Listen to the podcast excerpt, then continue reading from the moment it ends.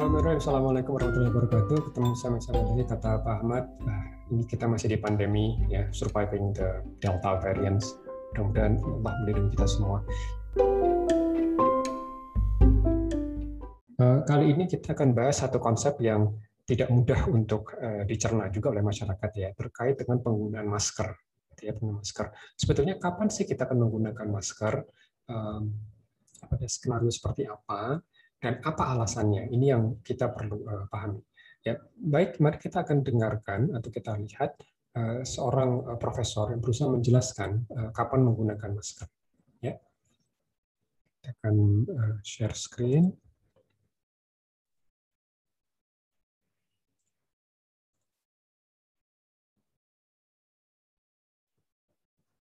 Ya.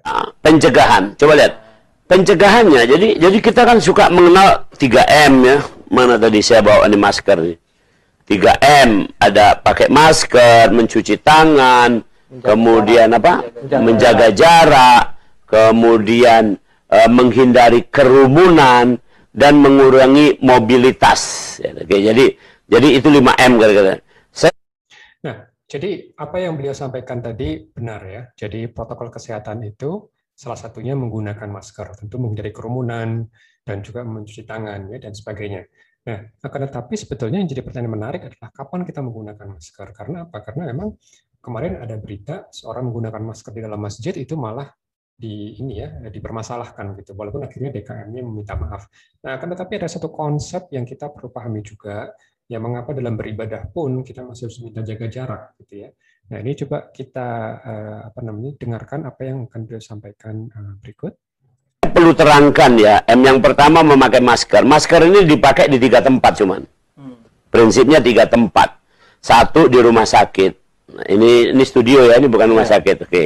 Yang kedua dipakai di kerumunan. Sekaligus M yang keempat tadi. Hmm, hmm. Kerumunan adalah kumpulan orang yang nggak jelas. Ini kita bertiga jelas nggak nih? Jelas, jelas. Jelas ya. Jelas maksudnya jelas orangnya, jelas tujuannya. Contoh kerumunan yang paling mudah ya eh, teman-teman eh, sekalian achievers ya bahwa yang paling mencolok dari yang namanya kerumunan adalah pasar. Ya, Di ya. pasar itu nggak jelas. Pedagang betul ada, pedagang pura-pura ada, pembeli betul ada, pembeli pura-pura ada, copetnya juga ada, orang yang tujuannya nggak ada juga datang ke situ juga ada yang sakit juga ada karena kan yang sakit terpaksa berdagang misalnya karena dia nggak punya ya. penghasilan setelah itu. Nah tapi kalau kalau orang yang jelas tujuannya pasti nggak nggak mungkin ke masjid jelas tujuannya, ke pertemuan jelas tujuannya. Jadi jadi uh, itu itu saya luruskan ya. Ini dipakai di kerumunan, dipakai di rumah sakit dan dipakai ketika kita sakit atau berdekatan dengan orang sakit. Sekaligus saya sampaikan tentang menjaga jarak. Menjaga jarak itu jaga jarak dari orang sakit, bukan dari orang sehat. Jadi kalau di masjid itu sekarang masih jauh-jauh itu, tolong ini rekaman ini nanti disebar ke mana-mana. Ya. ya, uh, maaf. Sebelum rekaman ini disebar ke mana-mana, ya jadi menjadi uh, pertanyaannya adalah apa yang dimaksud dengan kerumunan yang tidak jelas?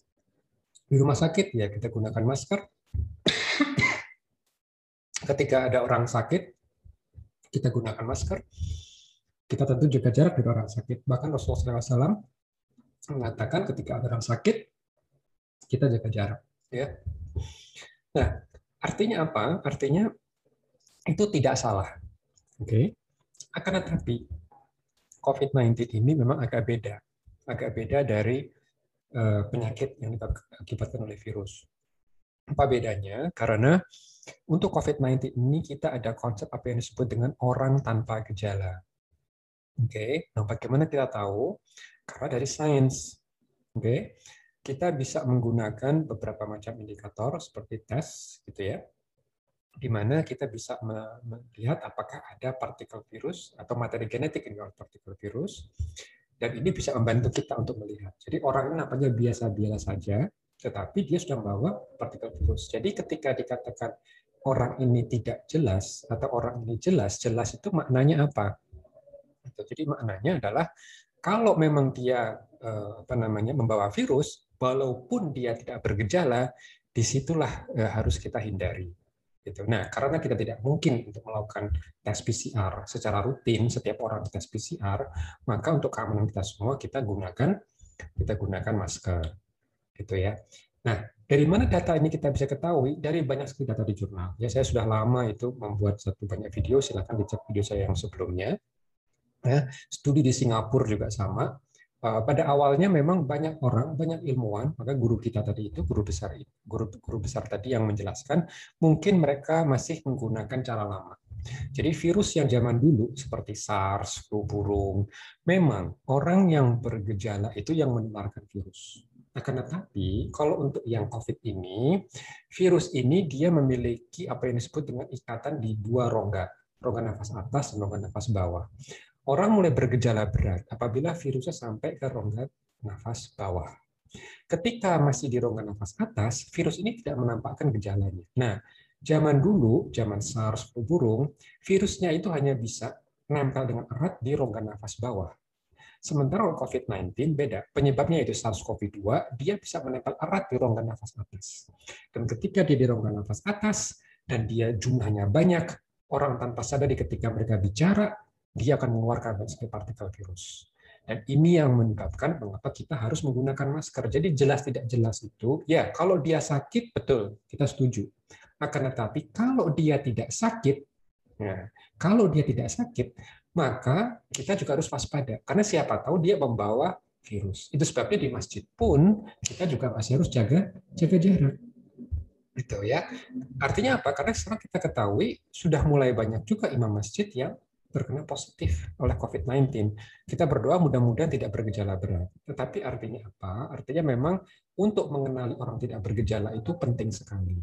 Karena mereka bisa menularkan. Nah, untuk kehati-hatian, kita harus tetap gunakan masker dan menjaga jarak ketika bersama orang-orang yang tanda kutip tidak jelas. Lalu siapa yang jelas? Misalnya keluarga inti ya dalam satu uh, keluarga ayah ibu anak gitu kan dan orang tua lainnya misalnya mertua misalnya gitu kan atau cucu itu adalah yang kita anggap jelas itu pun kita harus hati-hati kalau sang bapak keluar rumah jadi beraktivitas di luar dia rapati kantor misalnya. Ketika dia ingin pulang ke rumah tolong pastikan dia juga ikuti protokol kesehatan. Artinya apa? Jangan langsung bercengkerama tapi mungkin harus ganti baju mungkin mandi begitu kan? Untuk hati-hati. Itu itu yang harus kita waspadai. Karena sekarang banyak sekali sekarang kluster keluarga. Artinya apa? Kita tidak tahu persis uh, dari mana dia mendapatkannya tapi sang ayah menularkan kepada yang lain gitu ya. Jadi uh, manifestasi dari COVID-19 ini sangat beragam maka kita harus sangat hati-hati ya eh, rekan-rekan sekalian jadi apa yang tadi Profesor dikatakan memang kalau dia bergejala pasti kita hindari tapi tidak berarti yang tidak bergejala itu juga jelas belum tentu banyak sekali penularan oleh orang yang tidak bergejala. Oke, jangan lupa gunakan masker. Ingat 3G, yaitu gizi yang sehat, kurangi gula, rajin bergerak, artinya rajin olahraga, dan yang tiga gunakan masker kita. Kata Pak Ahmad akan ketemu di seri berikutnya. Assalamualaikum warahmatullahi wabarakatuh.